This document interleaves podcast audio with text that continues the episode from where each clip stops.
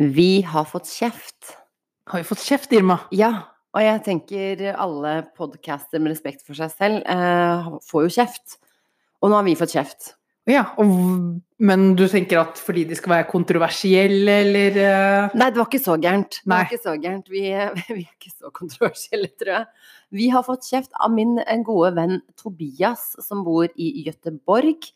Eh, tirsdag sånn tidlig ettermiddag så kom det en melding til meg hvor det sto eh, episode 14, for det er vel det vi spiller nå, er det ikke det? Jeg er uh, usikker på om det er 13 eller 14. Ja, han hadde 14. kontroll på det. Han kontroll. Ja, han skrev episode 14, spørsmålstegn. Og så var jeg sånn, åh shit, vi har glemt å si ifra at vi tar en uke pause. Og så hadde ikke jeg sett den meldinga på en liten stund, så, og så kom det en ny melding, så var sånn spørsmålstegn, spørsmålstegn, spørsmålstegn. Litt sånn irritert. Oi, oi, Ja, oi. så jeg bare, oi, vi er etterlengtet og etterspurt. Så våre internasjonale lyttere raser over uh, uannonsert pause. De raser, det er helt riktig, det hadde vært en fin overskrift. Ja, det hadde vært, uh, vært VG-overskriften. Den den globale gruppa raser etter uh, uanmeldte utsettelser. Ja, Det skjønner jeg jo. Så vi beklager jo det, da. For vi det er, jo fortsatt litt der at vi, vi syns det er greit å gjøre det. Og utsette hvis vi må. Ja, det er, det er litt sånn om det passer inn i livene våre. Vi har fortsatt ikke tatt og tilpasset livene våre etter poddingen. Poddingen kommer litt sånn i andre rekke. Sånn No, ja, ja, det gjør du det. Og så tenker jeg sånn her, og så er jo han fra Sverige, så han vet jo ikke bedre. Så jeg måtte bare si at du, sorry, det ble en utsettelse. Vi har mange røde dager. Og med mange røde dager så hadde vi én rød dag. Eh, Det Ja. vet jo ikke de i Sverige. Nå Nei. vet de det. Så Tobias, eh, jeg løy til deg, eh, for det godtok han. Det godtok han. Det ok. godtok han, men jeg løy jo om at Men- det var mye røde dager. Men sånn sett, altså, vi må si at per rød dag så følger du en for deg fyllesyk dag derpå, som er ganske ubrukelig til ren podding. Så sånn sett så har du jo to, I hvert fall to, da. Ja, så jeg føler at uh, Strukket sannheten litt. Ja, direkte løgn kanskje ikke. Nei, nei. Så jeg tror nok eh, vi må sørge for at denne episoden her blir så bra at uh, Tobias, uh, Tobias er fornøyd til tross for denne skandalen. Ja, så deilig, da. At vi har blitt etterspurt, og at folk eh, faktisk ønsker Ja, Og få det, få det Og på tirsdag med. morgenen som de skal ha det. ja, som de skal ha det. Det skal de få denne gangen, da. Det skal skal de få nå. Nå er det jo søndag, riktignok, her Ja. vi sitter. Så nå, nå sitter vi egentlig og holder på denne her, så vi fortsetter liksom å holde Tobias Litt, litt, på sånn på pinebenken. Ja. men så har vi det klart. Det kommer tirsdag morgen. Yes. Kos deg. Jeg skal sørge for å si det til han. Hvordan har uka di vært, Jonas? For nå er det jo lenge siden siden vi har snakket om det. Ja, den har vært fin. Det har vært eh, kort arbeidsuke. Er jeg veldig tilhenger av. Ja, for vi, selvfølgelig, vi jobbet jo ikke på mandag. Vi jobbet Den ikke på mandag. Og det er sånn man glemmer litt, for gjerne så har du sånn Du jobber deg når du har øh, fri på fredag, eller hvis du har på torsdag, så -hmm. det Mhm. sånn, jobber jeg fram til det. Men når du mister mandagen, og da er det alltid liksom litt å ta igjen på tirsdagen, så tirsdagen går unna i full Ja. fart, og så er onsdagen plutselig ferdig, og da er du jo torsdag, så er du fredag, og så er du ferdig. Er det sånn det går? Er det, Det mandag, tirsdag, onsdag, torsdag, fredag? Litt voksenopplæring for våre lyttere. Det er det mansplaining. Det, eh, man- det der var real mansplaining. Takk, Ja. takk for det. Jo, vær så god. Ja, det er sant. Uka har gått kjempefort. Vi har hatt mye fint vær.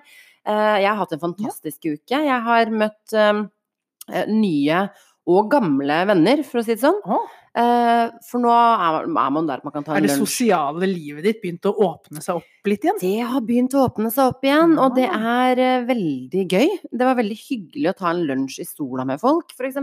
Ja. Eh, og det som er morsomt når man møter nye folk, da, så er det sånn, da bruker man litt tid på å bli kjent og, og liksom Hvem er du, og hvem er jeg? Som jeg elsker, for jeg er alltid så nysgjerrig på mennesker, ja, og Eh, glad i å prate om deg sjøl, så det er liksom to, to for én der. for eksempel. Eh, men så kommer vi inn på dette her, hvor min da eh, kollega som satt sammen med meg da, sier sånn Ja, og Irma, hun podder. Og det kjenner jeg også. Det, vi har ikke kommet så langt at vi har egentlig funnet ut hvordan vi skal si det til folk. Fordi altså, når man sier at ja, jeg podder, så er det litt som å si ja, jeg er en blogger, ikke sant? Influ du går inn under influensekategorien? Ja, og da må jeg downplaye det og være sånn Nei, nei, det er, det er liksom hobbybasis, og det er venner og familie, og det er ikke noe sånn markedsføring eller Og da altså- sier du foreløpig. Ja, jeg, det det? ja, ja, nei, jeg har ikke turt det ennå, så jeg, liksom, jeg holder det litt low-key. Men jeg sier vi har en internasjonal følgerskare. Som etterlyser oss hver gang vi er litt sene. Ja, så jeg må gå nå, for nå må jeg spille inn pod. Ja. Nei, så jeg har liksom funnet ut at vi må innføre det som heter hobbypodcasting. For det Ja. må jo være lov at man har en podkast uten at man har noen sånne voldsomme ambisjoner for det. Ja, at vi rett og slett bare er hyggelig at vi samles, vi to, prater litt, skravler litt Ja. om ting som foregår, og kan connecte litt ut med venner og familie Riktig. Uten at det er masse prosjektledere rundt oss, eller svære lydstudioer. Altså, det skal, det skal være enkelt, og det er jo det vi holder på med. Det er enkelt, Yes. det er på hobbybasis. Ingen sånn umiddelbare store ambisjoner, annet enn at vi skal leve av dette her, da, riktignok. Nei, og, men jeg tror kanskje noe av dette her kommer for med en gang man sier at man blogger litt, eller gjør litt sånne ting, så er det sånn ok, men det kan på en måte alle gjøre. Mm. Skrive en tekst og publisere på internett er ikke så veldig vanskelig. Med en gang man hører podkast, så tenker de kanskje ja, men det er mye tekniske greier og sånt. Ja. Men uh, Og så hørte jeg en kollega min som sa ja, og det er på Spotify. Uh, og så er det sånn ja, men det er jo alle podcaster, på en måte. ja, det er kjempeenkelt å havne der. Ja, men Det er så ikke sånn at vi er sponset og betalt av Spotify. Nei, Nei, altså det renner ikke inn med Sponsorater. med sponsorater og penger uh, fra Spotify. Det har vel heller rent ut penger i denne prosessen her enn Ja. det har inn. Ja, det er, det er jo økonomisk, kostnad, en økonomisk kostnad, ikke en eh, profitt vi gjør på dette her. Nei. Så det, ja, det var en tanke jeg måtte gjøre, men jeg tenkte det måtte vi diskutere. For eh, vi må innføre hobbypodcasting. Det er alt jeg har å si om den saken. Ja, for det, jeg er jo fortsatt ikke der at jeg introduserer meg selv Som en podcaster. som en podkaster. Nei, Men det gjør ikke du heller, tydeligvis. Men når folk i nær i Mhm. omgangskretsen din begynner å dra det opp, Ja, så må du liksom stå eller- i det. da må du stå i det. Ja, ikke sant. Og så begynner folk Og da er det en perfekt markedsføringsmulighet for å nå ut til nye folk. Da, så jeg regner med at disse nye som hørte om det nå, kommer til å sitte her og kanskje få med seg denne episoden her som sin første. Altså, noen av de gikk rett inn og abonnerte uh, på podkasten. Dere vet hvem dere er. Uh, men det var riktignok etter noen glass vin, så jeg tenker det er mulig de avabonnerer på et eller annet tidspunkt når det ikke er noe glass vin. At det er litt fylleangsten som du fa- Fanken, hva har jeg begynt å følge på Spotify nå? Nå er det spam på Spotify Ja. Nei, nok om det. Men en annen ting jeg må snakke om. Ja. Jeg har hatt, som sagt, en veldig fin uke, ja. Men jeg har hatt en helt insane helg. Å, Åh, gud, jeg har en nabo som er altså Åh, jeg får ikke Jeg, får ikke, jeg, har ikke, jeg kan ikke sette ord på det, for jeg blir så sinna. Ehm, jeg våknet i natt, altså det vil si natt til søndag, som det er nå. ja. Um, jeg våknet klokka 4.07 uh, av at det liksom For jeg sover med vinduet oppe. ja. Uh, og jeg bor i nybygg, som er ganske godt isolert. Men jeg våkner da av at det høres ut som noen står i rommet mitt, en gjeng mennesker står i rommet mitt og, og krangler og er i ferd med å begynne å Det slåss-stemning. er såpass, såpass in your face, denne lyden her. Det var så in my face. Jeg klarte ikke å skille på om jeg drømte eller om det her var ekte, men jeg skvatt i hvert fall. Og våknet og var sånn, hva er dette her for noe? Gikk bort til vinduet, ser at naboen under meg har da åpnet både vinduet sitt på vidt gap, han har balkongdøra oppe, og det er nachspiel der. Han er sånn, hvis jeg skal gjette, gode kanskje 20 år maks, liksom. Ja. Eh, og, og det var altså så mye folk der inne, og de diskuterte, og det var sånne politiske fyllediskusjoner, vet du. ja, de blir gode. De blir veldig gode Ja. utover natta. Konstruktive og fine. Og yes, og de var innom dette med Black Lives Matter, og de var innom om hva, hvordan folk er bra, og hvordan folk er dritt, og, og de begynte å hisse opp på hverandre. Og jeg bare Herregud, jeg vet ikke hva jeg skal gjøre. Og så satt jeg liksom, lå jeg i senga og vurderte skal jeg ringe politiet og si at det er liksom såpass bråk og, og fiendtlig der nede Ja. at det kan oppstå liksom en form for slåsskamp. Til Ja. tider hørtes det ut som det var nesten slåsskamp. Ja. Um, men før jeg rakk å gjøre det, så reiser kjæresten min seg opp. Bare sånn, for han lå jo og sov, eh, etter hva jeg kunne se. ja. Han reiser seg opp, går ut på balkongen vår, og så sier han noe sånt som Hold kjeft! Det må dere jo forstå! Klokka er 4.30! Og så blir det helt stille. Åh. Og jeg bare Hvorfor tenkte ikke jeg på det? Altså, for å kjefte på folk er jo som fortjener det. Det er jo om ikke en hobby, så i hvert fall noe du ikke tar så tungt på. Nei, ja, men jeg, jeg, jeg, jeg klarte ikke å plassere dem hvor de var hen. Han Nei. skjønte jo tydeligvis at de satt ute på balkongen sin, Ja. eh, og gikk straka veien dit. Eh, jeg skjønte jo ikke det, så jeg gikk gjennom alle andre først veldig sånn ryddige måter å gjøre det på. ja.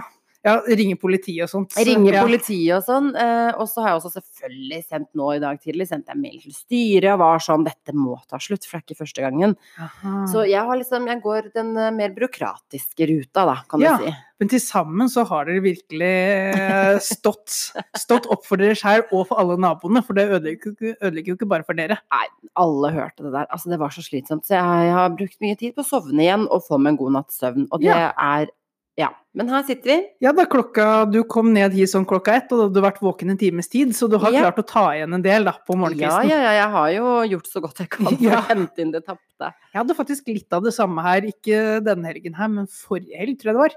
Da var det fest rett over meg.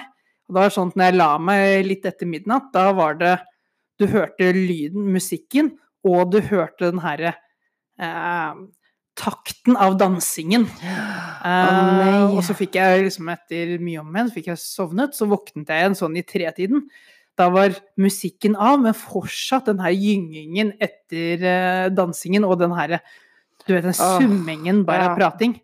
Det er så fryktelig. Eh, ja, så da var det jo Men da sto jeg opp. Jeg tok jo motsatt veien av deg. Du sov jo ut lenge, skaffet deg mer søvn på andre siden. Jeg sto opp klokka sju og satte i gang eh, kjøkkenmaskinen. Og håpet at det hørtes litt opp, i hvert fall. Du skulle stått der og bare dunka opp i taket. Jeg så forresten, når vi gikk nå opp til deg her, eh, at det lå noen sånne gamle kebabbokser der nede. Ja. Så det har jo vært fest her åpenbart. Det har eh, tydeligvis vært eh, fest her også. Det har jeg ikke fått med meg, da. Nei, det er... nei, nei, vi skal kose oss uten tvil, men med litt forbehold. Ja da, man kan ta Og det er det der som er litt problemet nå, for før når alt er åpent og sånn, så tar jo de fleste og drar ut på byen, ja. på et tidspunkt. Mm. Nå tar jo det her som starter hjemme, tar jo bare fortsette hjemme utover kvelden også. Og natta og morgenen. Og natta og Mhm. morgenen og alt, så det er jo det som er eh, utfordringen. Så vi må bare be om at uh, nå åpner byen snart igjen, forhåpentligvis. Ja, og sånn at uh, de som uh, kjefter, hoier og debatterer i fylla, kan bli slått ned ut på byen istedenfor i sitt egen eller andres leilighet. I andres leilighet. For det er sikkert like ille for dem, men litt mer gunstig for alle oss For rundt. oss som bor rundt, ja. Ja. All right. Uh, vi går videre. Apropos uka som har vært. Yes. Altså, jeg må jo si det, 2020 er jo altså for et år. Eh, fordi nå er vi jo eh, langt inni og til dels midt oppi eh, denne Black Lives Matter eh, Hva skal man kalle det? Eh, movement. Demonstrasjonene, movement, ja. Ja, jeg, jo- jeg har ikke et godt ord på norsk. Movement. Nei, det er jo nei, bevegelse, da. Bevegelse, ja. ja. Ja. Altså, det er, en, det er en form for revolusjon som skjer nå. Ja, og det er jo litt sånn Den har jo, slik jeg ser det, mye likhetstrekk med metoo, da. Det er jo ting Mhm. som man har visst om lenge, man har fått mange hint. Det har jo dukket opp videoer tidligere også av helt brutale Ja, ja. arrestasjoner eh, av mørkhudede Mhm. uh, mennesker i USA. Og det har jo vært mange sånne eh, hvor det som nærmest har blitt borgerkrig da, i enkelte byer i USA Mm. opp gjennom tiden. Så, sånn sett er ikke det noe nytt. Det som er nytt nå, er at det har gått veldig globalt. Mm. Rasismekampen har jo på en måte gått globalt, men de har jo ikke Det er så mange ulike rasismekamper, da, hvis du forstår. Mm. Det er litt sånn Fotballen har alltid hatt gi rødt kort til rasisme, og så har du Mm. hatt diverse, men nå har du liksom Nå tror jeg det er så mange som har sittet innesperret, innestengt pga. Mm. korona.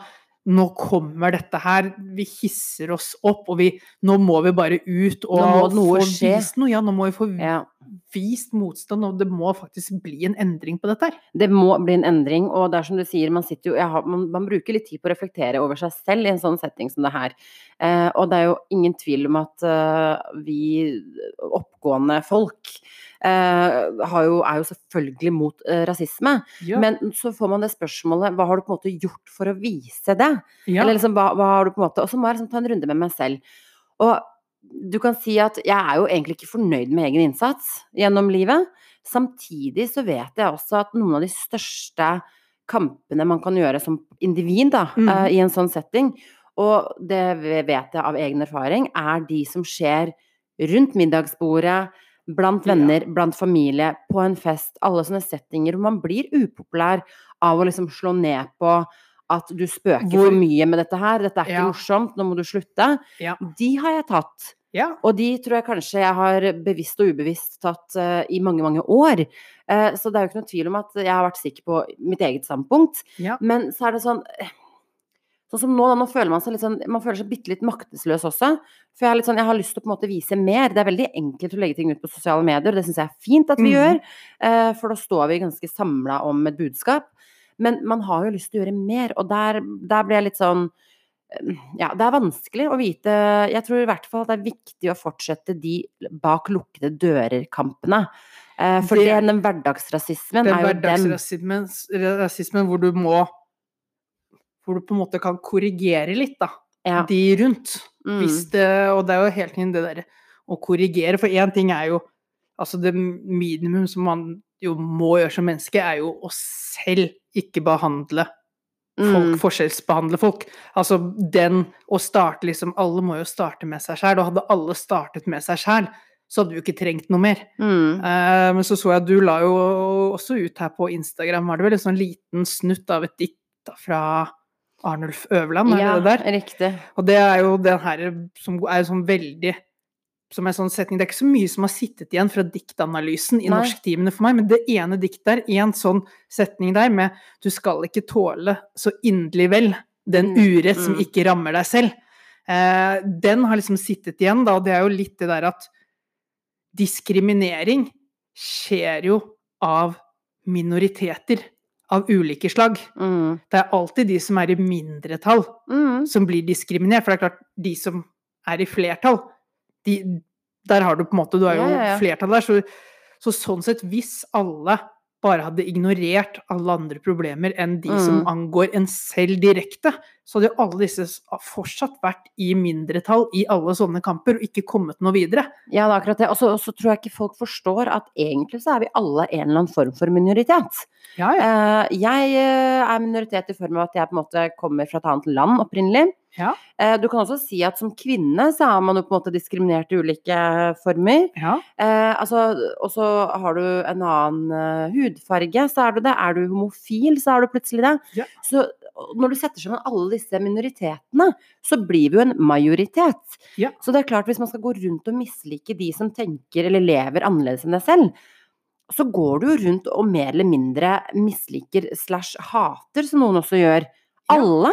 Ja. For det er jo det du ender opp med. Fordi de, jeg, altså alle rundt meg er forskjellige fra meg. Ja. Skulle jeg liksom gått Ja, rundt og alle ikke er jo individuelle. Ja. Og så er det klart at, for det er jo den her at alle, man er jo individuelle, og så har vi alle behov for et samhold på en eller annen måte i Mm. livet. Og så har vi jo mange ting. Vi har jo liksom organisert idrett, organisert musikkliv, Mm. og vi har speiderbevegelse, alt dette som prøver å fange opp og gi barn i utgangspunktet. Så har vi mange ting også for voksne for å skape et fellesskap. Ja, ja. Men det er jo dessverre disse her som skaper et fellesskap i et hat I et mot hat, noen ja. andre. At man og det er jo søker. Ja. kjempefarlig. Men, eh, og så er det, er det liksom Én ting er det direkte hat, så er jo også det her som har skjedd mye i USA, da, med, spesielt innenfor politiet. mm, Hvor der hvor det kanskje ikke er liksom en gjennomgående direkte hat mot mørkhudede, men hvor det er at de ser forskjellig på dem. det er er fordommer. det er er fordommer med en gang. prototypefordommer, ja. Det er liksom en gang OK, denne personen ser sånn ut. Her må vi Slå ta, hardt ned slå hardt ned med Mm. ekstra makt. Fordi du er mest sannsynlig kriminell. Ja. Eh, og og jeg, jeg måtte jo lese meg litt opp på ulike ting også, og i USA så er det jo eh, høyere arbeidsledighet, høyere fattigdom, høyere alt mulig Altså sånn Det er jo ikke noe tvil om at eh, afroamerikanere i USA eh, stiller lengre bak i køen enn Og det henger jo fra gammel, gammel, gammelt av. Gammelt av, og det er jo Og- fra rasisme fra gammelt av også. Ja, ja, slavetiden og så you sånn name it. så er det bare ja, på grunn av liksom alt som buler der, så har vi bare kommet i en negativ spiral som Ja. man ikke har kommet seg ut av Og jeg tror løsninga er først og fremst å tette de samfunnsgapene mellom folk. Ja. Du skal ikke ikke kunne få deg en god jobb fordi du har en annen hudfarge. Det jo, for meg så er det så spinnvilt at vi nå i 2020 som sier at noen eh, skal ha dårligere forutsetning. Eller egentlig ikke bare dårligere forutsetning, men liksom, samfunnet skal jobbe mot deg på et vis. På Eh, grunn av måten du ser ut på. ja! Det, er- altså, det er så spinnvilt og så primitivt, da. Jeg tenker det er så primitivt, har vi ikke lært noen ting gjennom alle de årene mennesker har eksistert. Og jeg blir, jeg blir så skuffa, jeg blir så innmari skuffa. Men også blir jeg så innmari stolt også når vi faktisk for endelig, kan du si, samles og sier nå har vi fått nok. Ja. Nå har vi fått så sykt nok av hverdagsrasisme, av de dårlige spøkene, av, av rekrutteringsprosesser som er uprofesjonelle og, og dårlige på det området. Eh, og så kan du si Norge. Jeg er så lykkelig for at den demonstrasjonen som var på fredag, jeg er så lykkelig for at ikke det var noe bråk der, og ikke noe slåssing og ingenting sånt. Fordi det hadde distrahert Altså, da hadde mediene skrevet om det, Du og ser jo ikke det andre. Ja, for du ser allerede så er jo denne siden med brudd på smittevern og det der, det har jo tatt litt fokus. Mm. Men fortsatt har jo kampen liksom stått i hovedfokus. Men som du sier, hadde dette blitt Hadde det utartet seg, da, sånn som det har gjort i USA, delvis i Sverige og andre steder også, så er det jo det som fanger mye av oppmerksomheten. Det tar, alt tar ting bort. Eh, fokus bort fra saken, og det er jo litt sånn som Helt opp til president Trump, ikke sant. Han Og gjør ikke, Han ikke sett meg engang. han gjør jo det han kan for å ta fokus vekk fra saken. Han Mm. legger jo fokus på disse voldelige demonstrantene, som jo egentlig De fleste, slik jeg har forstått det, de fleste av de voldelige demonstrasjonene som skjer, skjer jo etter at de fredelige demonstrantene har gått hjem. Ja. Så de som demonstrerer på riktig grunnlag og har en kamp å ta opp, Mm. de eh, de gjør ikke noe gærent, så er det alltid liksom noen da som ønsker en slåsskamp, eller Eller som vil bruke muligheten bruke til å være kriminelle, som de i utgangspunktet kanskje allerede er. Og Ja. så er det jo igjen, der kommer den fattigdomsbiten også inn. Det er mye fattigdom eh, i mange av de byene som nå har vært eh, rasert. Ja. Eh, og der er folk i nød på ulike måter. De ser enhver mulighet. De må, de må ta enhver mulighet de får i livet, og sånn sett er dette en mulighet, da. Ikke sant? Så det er liksom lett å peke på at eh, ja, du, du stjal fra en butikk, som selvfølgelig er helt hårreisende i seg selv, men dette er av folk i nød. Og så lenge disse, eh, disse samfunnsgapene mellom menneskene er der, så lenge rasismen står så sterkt som den gjør, eh, så tenker jeg du, det kommer til å være sånn lenge. Og inntil det gir seg, og kanskje er dette her som må til for å flytte oss i en litt bedre retning, da.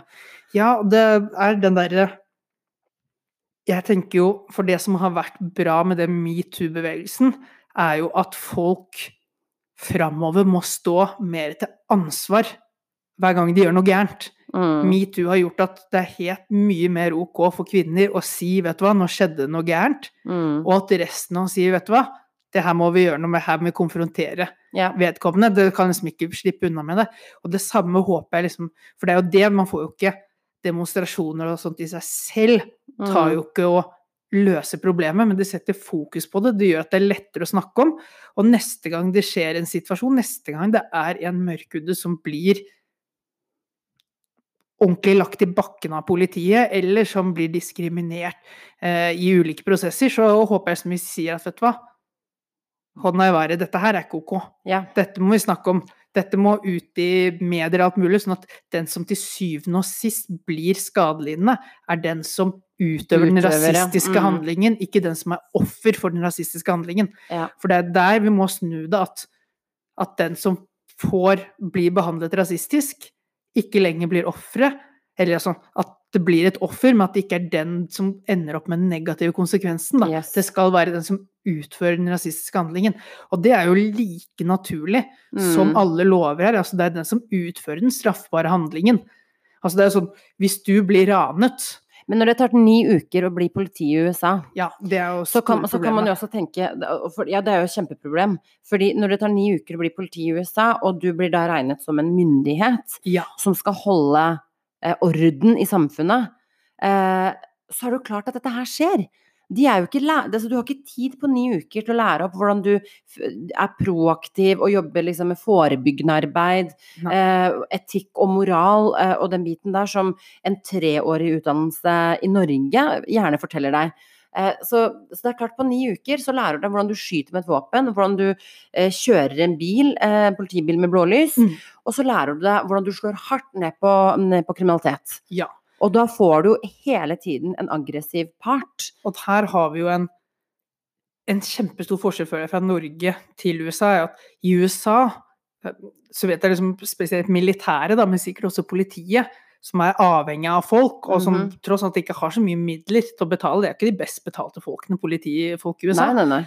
Så de henter jo mange av de som faller litt utenfor systemet, de som ikke kommer seg til college, ikke, ikke liksom får en fin vei videre. Liksom, militæret drar inn masse sånne folk som har problemer på skolen Mm. i USA. Ja, I Norge så er det jo motsatt. Da er man jo på jakt etter jakt etter folk, og det skal være litt høyere status. Og, uh, det er ikke alle som ikke kommer ha- inn i militæret, Nei, det er ikke alle som kommer inn i politiet. politiet. Du Mm. blir sjekket, du må ha fri vandel, du må ha du må, liksom, du må oppfylle noen kriterier, og du må gå gjennom et langt nok løp. Da. Du må holde ut en utdannelse.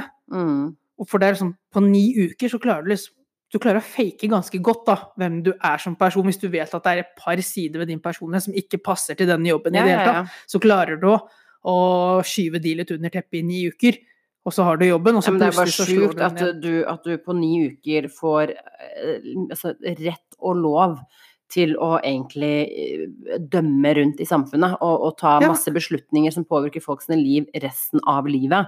Eh, og det gjør du basert på en ni ukers kurs, liksom. Ja, det er så Det- enkelt å få en betalt jobb med makt. Med makt, ja. Og det er skummelt. ja, for tenk, det er så mange som sikkert ikke har hatt en helt ok oppvekst og følt seg litt maktesløse og alt det. Dette her er en snarvei til makt, hvor de sånn sett kan slå litt tilbake, eller liksom føle at, at Mm. de kontrollerer et eller annet, og sånn sett misbruker den makten man har. Ja. Og det er jo kjempeskummelt. Så en eh, så viktig kamp å ta, og jeg tenker jo at hele USA, sånn som utviklingen på det landet har vært, og sånn som det har vært utvikling med Trump som president spesielt, de trenger en ordentlig wake-up call, og at resten av verden sier til dere, vet du hva, nå er dere i ferd med å spinne ut av kontroll, nå har dere en del ting, ting dere må skjerpe dere på, Mm. og det bunner jo Alt bunner her ut i, som du snakker om, få litt mer likhet mellom folk. Fordel ut ressursene i samfunnet likere. Like muligheter, ikke minst. Like muligheter. Ikke at det skal koste skjorta å betale for helsetjenester. Ikke at det skal koste skjorta å gå på college. Ikke sånn Mm. at det er liksom bare noen få som har råd, og resten må satse på Eller bare for å skyte inn disse, disse rike kjendisfolka som har betalt eh, korrupte penger til disse store Ivy League-universitetene. Det har nylig vært en sak Ja. om det i USA. Eh, masse kjendiser, masse rike foreldre som har betalt for at barna deres, som ikke er kvalifisert til å komme inn der, skal få komme inn der. Altså, altså ikke, sant, ikke sant? det er så gærent. Det, blir så mye gærent, da. Det blir hele systemet rigga. Og man må alltid ha noen rike og litt rikdom i et samfunn. Sånn er det, for noen skal skape arbeidsplasser etc., etc. Ja, Må få betalt for den risikoen. Men USA må utjevne ressursene sine. De må utdele rikdommen, og de må få på plass statlige ordninger som sørger for dette. Ja, og så må de, må de begynne å jobbe med historikken sin. Historien sin. Ta tak i det. Mhm. Ah, over til eh, over til noe annet. Eh, Skal jeg dra en litt hyggeligere nyhet? En litt søtere nyhet? ja, jeg føler vi må egentlig snakke om eh, hele rasismebiten i mye lengre drag enn det vi har gjort, for her er det jo det er mye som må bør snakkes om. Men vi har jo bare en time på oss. Ja, og så vi må jo være Vi skal jo være alvorlige, og så skal vi ha det litt morsomt. Det Ja. må det være i hver episode. Ja, enig. Så nå kan vi ha noe litt annerledes. Og, og du hadde noe på, på agendaen, skjønte jeg? Jeg, jeg har en nyhet her fra TV 2 i dag om en Jeg syns han er veldig søt. En 78-åring. Og du ser han er 78 år gammel også. Det er litt sånn lut holding. Eh, litt sliten. Eh, ja, men man ser, man ser fort Man ser jo fort litt slitenere ut som eh, 78-åring enn som 30-åring. Eh, men utrolig søt, sånn ordentlig god bestefarstype, da. Okay, okay. Eh, og dette er Henry. Eh, man lever bare én gang. Jaha. Han har uh, jobbet uh, innen trykkeribransjen, hatt et eget trykkeri. Det har visst gått ganske bra. Han har solgt det. Uh, nå har han kjøpt seg McLaren 720 S Spider. Og det er Nettopp vi to, ingen av oss er jo nå McLaren, er det bil, da? Det, Det er liksom- bilmerke. Ja. Så dette er en bil. Ingen av oss er særlig bilinteresserte, men dette her er et farsmonster. Han punget ut 4,2 millioner for denne bilen, som Mhm. går fra 0 til 100 på 2,9 sekunder, Oi. med en toppfart på 341 km. Uh, og dette skal Henry kjøre. Har han lov til å lappe den i den alderen i det hele tatt? Det, det har han! Dette er sånn, du vet sånne Du vet liksom at det er en litt fancy bil når dørene går Åpne opp, Ja, og det er åpner opp og ikke ut. Men kanskje Henry har en midtlivskrise Som eh, 78-åring. Som 78-åring, det kan jo være. Ja, for han jo, har jo helt tydelig vært bilinteressert lenge.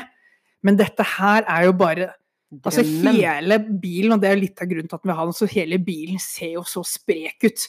Så du ser liksom denne superspreke bilen, 0 til 100 på hva var det jeg sa, 2,8 2,9 sekunder. Og ved siden av står litt slitne Henry på 78. 78% på vei fra 0 til 100. Eh, så han det her er, Jeg syns det bare er så søtt med en fyr som har en sånn hobby, og som 78-åring Mhm. fortsatt liker litt fart og spenning, så bare Jeg selger trykkeriet, så dunker jeg alle pengene mine inn, Inn i i en skitt drømmebil. Ja. Men det lurer jeg på, blir vi sånn? Fordi jeg tenker sånn når vi var liksom kids, så tenkte vi at når du er 30, så er du gammel og livet er over. Ja. Nå når man er på en måte 30 pluss, så tenker man sånn herregud, når jeg er liksom 70, så er det liksom bare å lene seg tilbake og Altså kommer du til liksom Når blir man voksen? Når blir man egentlig voksen? Ja, gjør man det? Jeg, tror han Henry er liksom Jeg tror jeg hadde vært en Henry. Jeg jeg ser sånn, også for meg For jeg tenkte også med en gang det, Henry er en mann etter Irmas hjerte. Ja! For det er liksom sånn, du må oppfylle drømmene når, hvor enn lang tid det tar. Ja. Nå har jo drømmene mine er jo way and beyond, så det spørs om jeg noen gang overlever det. Men, eh, men ja, jeg lurer på om man liksom ikke blir gammel. Jeg kommer aldri til å føle meg gammel. Nei, det, det tror ikke jeg heller. Eh, og du har vel en ganske bilinteressert mann, har du ikke det? Jo. Så du risikerer jo å bli fru Henry her eh, om noen år, som skal For eh, Problemet han, er når du har en kone, og kona elsker dette her. Hun er med, er med på turer og er med på treff i bilklubben og alt. Ok, men der er forskjellen, da. Jeg er jo sånn jeg tar litt avstand fra det der bil Overdådige bilgreiene som han og kjæresten min holder på med. Ja, Jeg er ikke så interessert i det. Eh, men kanskje jeg blir det når jeg er 78? det kan være. Kanskje han har, han har hjernevaska meg så mange år når vi er 78, at, eh, at jeg plutselig er sånn Nå kjøper vi oss en McLaren. Ja, nå Nå tar vi ut alle pengene vi har i banken, Ja, selger det som skal selges, så og lever så vi i bare bilen. lever vi i den bilen. Kjører vi rundt og koser oss. Ja, han er jo Han innser jo dette er også Henry, som jeg sier, han- passer jo på å følge fartsreglene i Norge og sånt, men det går jo unna, så han innser jo at han må holde et ekstra øye på det speedometeret. Det går, eh, det går fort opp i fart, som man sier. Å, det er så gøy, og jeg tror Og jeg håper egentlig alle kan være litt sånn, for det er veldig mange besteforeldre i dag som er veldig sånn Det er jo den generasjonen som har vokst opp med at man skal liksom spinkle og spare og, og på en måte forberede seg mot verre Ja. tider hele tiden. Og som kanskje ikke har så mye hobbyer og sånt å dra med Ja, seg inn i De har bare stått på og jobba og liksom tjent penger og spart og holdt på, og så, så har man kommet til å blitt så gammel at liksom dette skal barn og barnebarn arve og sånne ting. Ja. Det må vi stryke, det er vi ferdig med. Nå er det sånn, når du blir 78, så skal du bruke alle pengene dine på en McLaren. Du skal liksom Gå all out, liksom, når du, når du begynner å Ja. se Altså, om vi skal kalle det gjort lys i enden av tunnelen, for å holde oss på litt bilmetaforene her, da, det er da du skal gasse. Ja, for jeg blir sånn Hvis du har levd 78 år, så har du vel gjort deg fortjent til å kunne oppfylle en sånn drøm. Ja, jeg syns jo det er jo så Det er jo det som gjør denne nyheten så nydelig. At det ikke er Når du, når du kommer da kjørende, så kommer den herre helt rå McLaren kjørende inn ved siden av deg på parkeringsplassen på Kiwien. Og så tenker du å herregud, her kommer en cocky idiot i slutten av 20-årene, starten av 30-årene. Nei, det her går bildørene opp, og ut stabler. Henry seg, holder seg fast i bilen, kommer ut i bagasjerommet, tar opp rullatoren, og så ruller inn på Kiwien. Ah, det er Det er jo helt nydelig. Hva skal, du, hva skal du oppfylle av drømmer når du er 78? Hva er din store Min store, store drøm Jeg drømmer jo så smått. Det er jo sant? Det må jeg lære deg, da. Drømme Ja, må- stort. Fordi jeg har så store drømmer at jeg, jeg vet ikke om en ting i verden jeg kunne gjort for å få oppfylt drømmen. Det er så ambisiøst. Jeg er jo en sånn type som Jeg tror ikke livet mitt hadde blitt så mye bedre, eller jeg hadde gjort så mye annerledes om jeg plutselig hadde fått fem til 10 millioner kroner ekstra.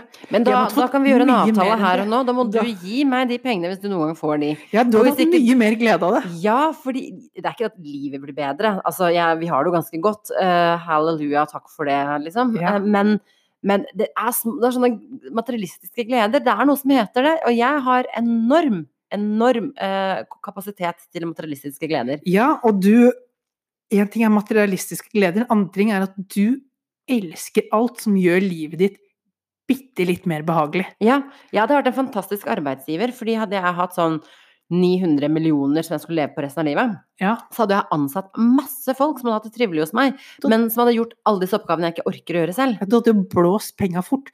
For, for, for det er jo Nå sitter vi jo hos meg og podder. Det er vel 200 meter oppoverbakke til deg. Altså fra deg til meg er det 200 meter nedoverbakke. Hvordan eh, kom du deg til meg i dag, Irma? Jeg tok en Voi. og det var sånn, da måtte jeg le litt, for det står sånn på Voien så står det sånn Det koster Det er elektrisk sparkesykkel for de som ikke bor i storby og har uh, Ja, vi må ta vare på våre international yes. uh, listeners. Nå er vel Voi svensk, tror jeg, eller noe sånt, så de Nei, hører sikkert. Men ja, elektrisk sparkesykkel. Ja, den tok jeg ned, og så sto det at liksom oppstartskostnaden er 7,5 kroner, og så er det 3 kroner per minutt, sto det når jeg skulle liksom godkjenne at jeg skulle åpne den. Ja, og Jeg det tok deg vel 40 sekunder ned, eller noe sånt? Ja, jeg var rett i overkant av ett minutt. Eh, Så jeg tenker den oppstartskostnaden var jo langt dyrere enn en, enn- enn rekkevidden jeg eh, benyttet meg av. Ja. Så, men det var vel investert. For da slapp jeg å bli svett eller sliten på en søndag, for søndag er helligdag, og jeg står veldig hardt på det. Det her, eh, det må vi respektere. Jeg bare tenker det er en sånn grei liten anekdote for uh, lytterne våre å ha, for å forstå hvordan, hvordan du lett kunne ha brukt opp 50-10 millioner. Ja, jeg er ikke, jeg. ja, ja, ja. Det hadde flydd. Ja, ja, for du kunne da fort satt deg i McLaren, da. Ned. Hadde du vært. Henry, hadde du tatt McLaren ned til meg. Og så hadde jeg parkert sånn at jeg fikk bot, for det går ikke an å parkere i Oslo uten å få bot. Nei. Og så hadde jeg vært ok med det òg. Ja, ja. Det liksom Og det er jo igjen da For det, det er jo Du har jo, som du sier, mange store drømmer. Å nei, nei, jeg hadde blitt sånn klysete riking, derfor kan jeg aldri bli rik. Nei, det, det er helt sant. Du hadde vært jeg eh, hadde vært Du hadde fort mistet lite grann. Altså, jeg tror du hadde spredd om deg med rikdommen og vært en sjenerøs person, sånn sett, men du hadde, du hadde blitt litt uholdbar. Uh, for det er jo Du har mange store drømmer, men en av, de, en av drømmene også, før du oppfører, følger, oppfyller de andre drømmene dine, det er jo å ha masse fuck you money. Ja, det er gøy med fuck you money. Og det er sånn å få bota, det går bra. Nettopp, det er fuck you money for og deg. så hadde, ja, og så hadde jeg liksom og så hadde jeg liksom tenkt sånn, nå bidrar jeg til samfunnet, vær så god, jeg betaler gledelig den bota. Litt sånn som med skatten, ikke sant. Det, Ja. det går tilbake igjen til menneskene i samfunnet. Ja. Sånn riking hadde jeg vært. Uh, så fuck you money kan være en veldig bra ting. Det kan være en veldig bra ting. Og så hadde jeg donert faktisk ganske mye. Jeg har liksom et par sånne hjerteorganisasjoner. Eh, de hadde fått veldig mye. Såpass mye at de kunne klart seg lenge uten å måtte liksom eh, be om penger fra frivillige. Sånne ting hadde jeg gjort. Ja. Herregud, hvorfor blir ikke jeg rik? Der, er eh, Jeg tror verden hadde blitt et bedre sted. Det er nesten overbevist om. Jeg hadde, jeg hadde kjørt en Bill Gates-variant på det. Bare en litt mer snobbete Bill Gates hadde jeg vært. Det tror jeg.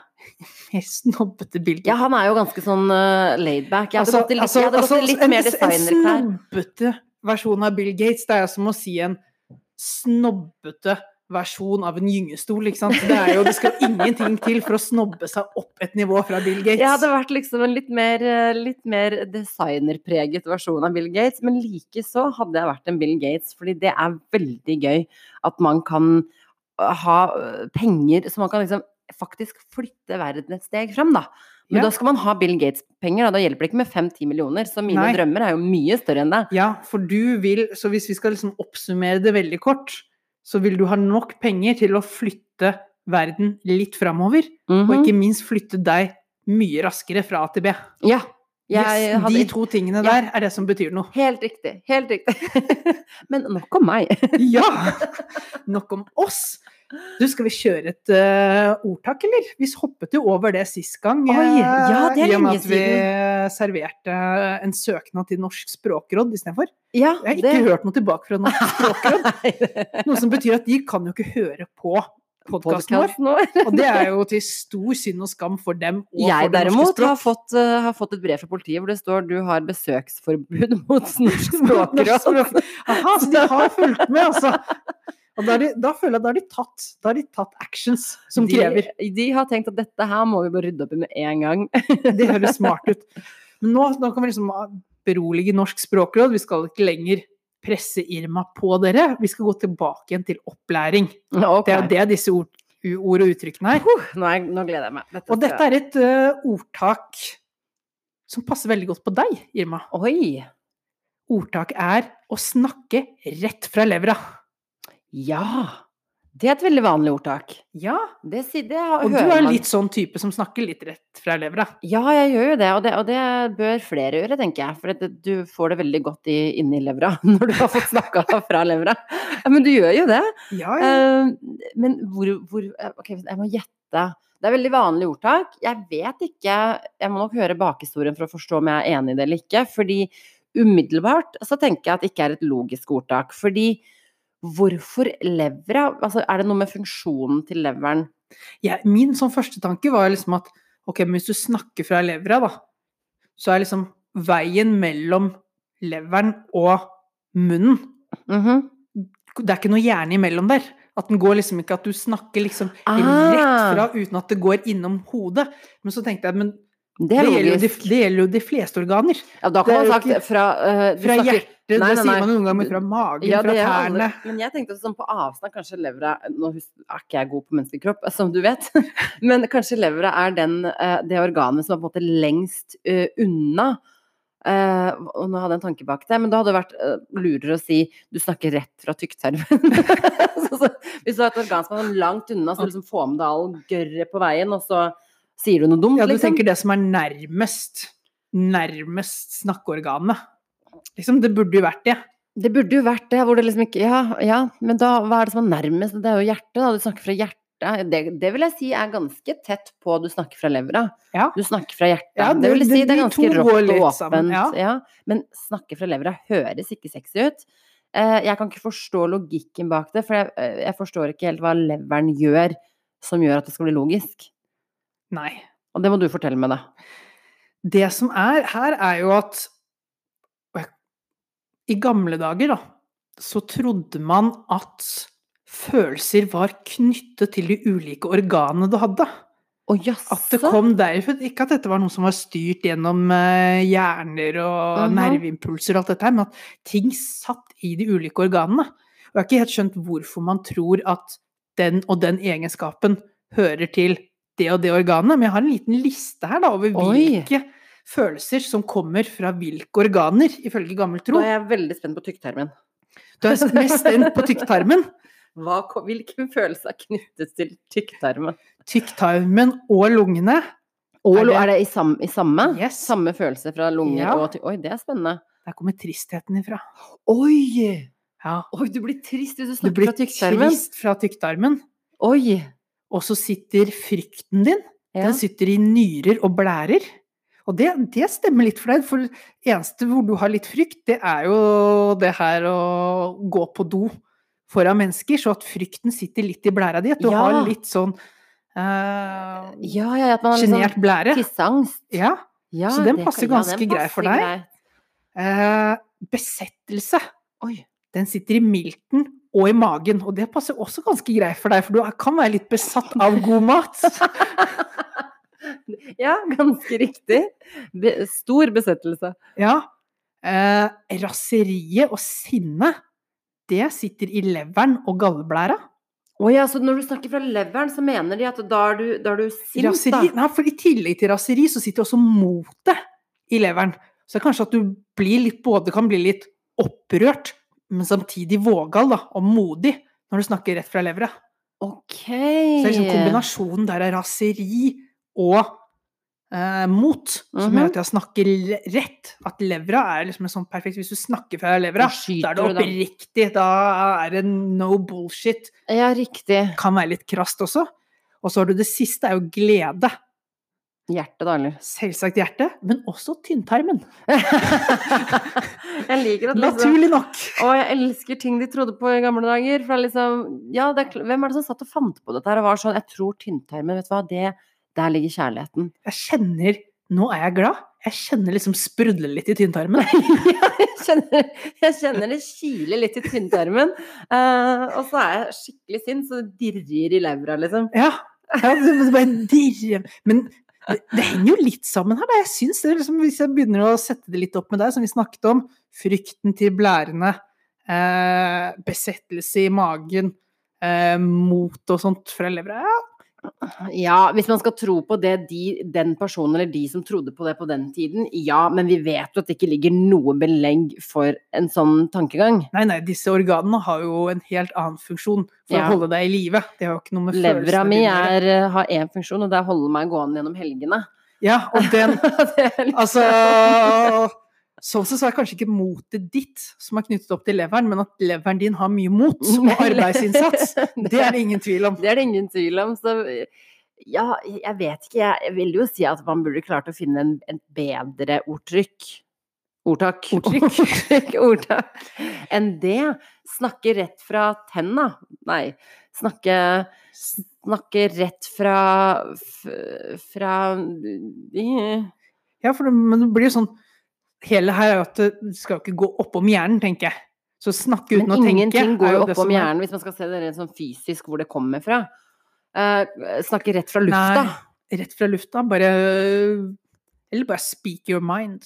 Ja, Så altså vi sier jo du, du, du snakker før du tenker. Ja, snakke før du det tenker er er kanskje bedre. bedre, Ja. bedre ordtak sånn sett. Så skal snakke rett fra levra bare bli dyttet ut, fordi vi har allerede snakker uten å Jeg hadde, jeg hadde strøket den. tenke. Jeg hadde strøket den, for jeg tror Men, ikke noen vet hvor den egentlig kommer fra. Men det er klart, da, det eneste som ryker litt, er jo det motet i det. Å snakke rett fra levra. Det er jo litt sånn vågalt og tøft, og det er det jo ikke nødvendigvis å gjøre å snakke før du tenker. Det kan jo være mer at oi, her kommer det mye rart fra denne personen, for vedkommende snakker før man tenker. Men kan man ikke da si snakke fra hjertet? For jeg føler at da, da, liksom, da er det rått og, og tydelig, Ja. og, og det kan være fint, og det kan være sinne, og det kan være alt. ja, det holder For hjertet, hjertet er følelse, liksom. Ja, det er mye nærmere. Du bruker det som et kjærlighetssymbol og alt de tingene her. Så ja, og ikke sånn bare så kjærlighet, men også liksom alt annet. Altså, nå er jeg sint på jeg, Nå er jeg sint på rasisme fordi jeg er glad i alle mennesker. ja. Og Og jeg merker det er så trist at det verker i hjertet. Ja, ikke sant? sant? ja, så hjert, bruk hjertet til alle følelsene. Ja. Altså, vi trenger ikke resten av organene til det. Nei, og så er det hyggeligere, for å snakke fra levra kan jo bli ofte oppfattet av folk som negativt også. Fordi Ja. liksom, da er du på en måte direkte og ufin. Ja. Eh, og levra liksom, blir jo fort en representasjon av det. Og det er sånn, hvorfor det? Hvorfor skal det være en dårlig ting å være direkte, da? Eller være tydelig, eller være Ja, jeg Vi vet ikke. skroter det, altså. Vi skroter det, og så snakker vi rett fra hjertet. Så bra. Og nå har vi snakket så lenge fra hjertet at vi er i ferd med å nærme oss ny rekord i lengde. Og det gir litt tilbake, da, tenker jeg, til eh, Tobias og alle våre faste lyttere som har gått en hel Som får en uke bonus, uten oss. eh, bonusminutter. Ja. Ja. Nå er, nå er vi egentlig på overtid, så nå er liksom alt, alt vi gir herifra ut, er jo ren bonus for lytterne våre. Som jeg håper dere setter pris på. Det håper vi absolutt. Vi hadde et langt segment her med, med Black Lives Matter som jeg føler likevel vi kunne snakka enda mye mer om. Eh, og det er viktig å snakke om. Så, så den har nok spist mye av tiden, og det er greit. Det er veldig fint at vi kan eh, Og det er jo det vi vil også, at vi skal ha litt sånn Finne på litt morsomheter og ha litt sånn faste spalter innimellom, men at vi også kan snakke lenge om det det er verdt å snakke lenge om. Ja, om de viktige tingene som skjer i, i samfunnet rundt oss. Det, Ja. det skal vi holde fast på. Eh, og så tenker jeg at eh, kjære lyttere, eh, dere international Maybe we have to take this in English. Perhaps, perhaps. kjære lyttere. Eller på Dere- svenska tykker jeg eh, blir mye bedre. Det, blir, Det er der vi vet det blir, det er. Jeg, når jeg prøver meg på svensk, så blir det sånn blanding av nordnorsk og, og trøndersk. Oh, ja! Jeg, jeg, har, jeg klarer ikke Nei, du går oppover i landet istedenfor utover grensa, du. Ja, ja, litt sånn forvirra der. Nei, men send oss gjerne en melding eller to. Hva tenker du? Hva ønsker du deg mer av? Hva ønsker du deg mindre av?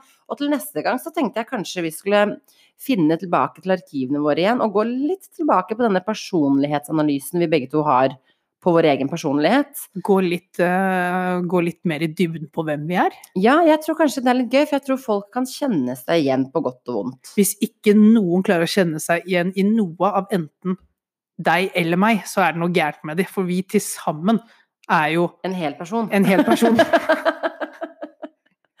det er helt Vi er svært lite overlappende personlige egenskaper. ja. Ja, men kult. Takk for nå. Det er godt å være tilbake. Vi lover at nå kommer det hver tirsdag. Og hvis det blir noen endringer, så skal vi love å si ifra. Ha det godt, da. Ha det!